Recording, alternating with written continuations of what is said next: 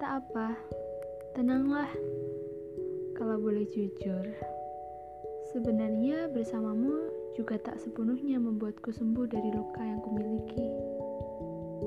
Tapi itu lebih baik ketimbang harus sendiri bercengkrama dengan diri sendiri sampai menjelang pagi.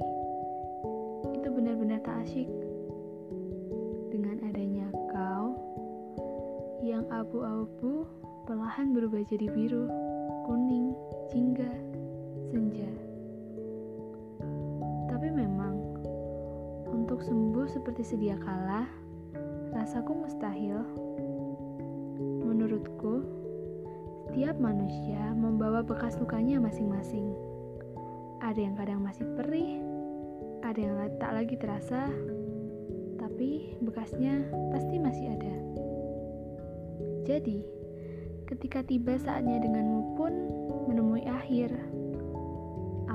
seperti sedang mereka ulang adegan yang sudah-sudah. Bisa dikatakan sudah terbiasa. Walau sebenarnya manusia tak pernah terbiasa akan kehilangan. Tapi aku benar-benar sudah berlatih untuk terbiasa. Percayalah. Jadi tenang saja. Jangan ada rasa bersalah. Apalagi khawatir. Aku tak apa. Tapi memang harus kuakui. Sekali lagi kukatakan, hadirmu memang telanjur sudah jadi bagian diriku.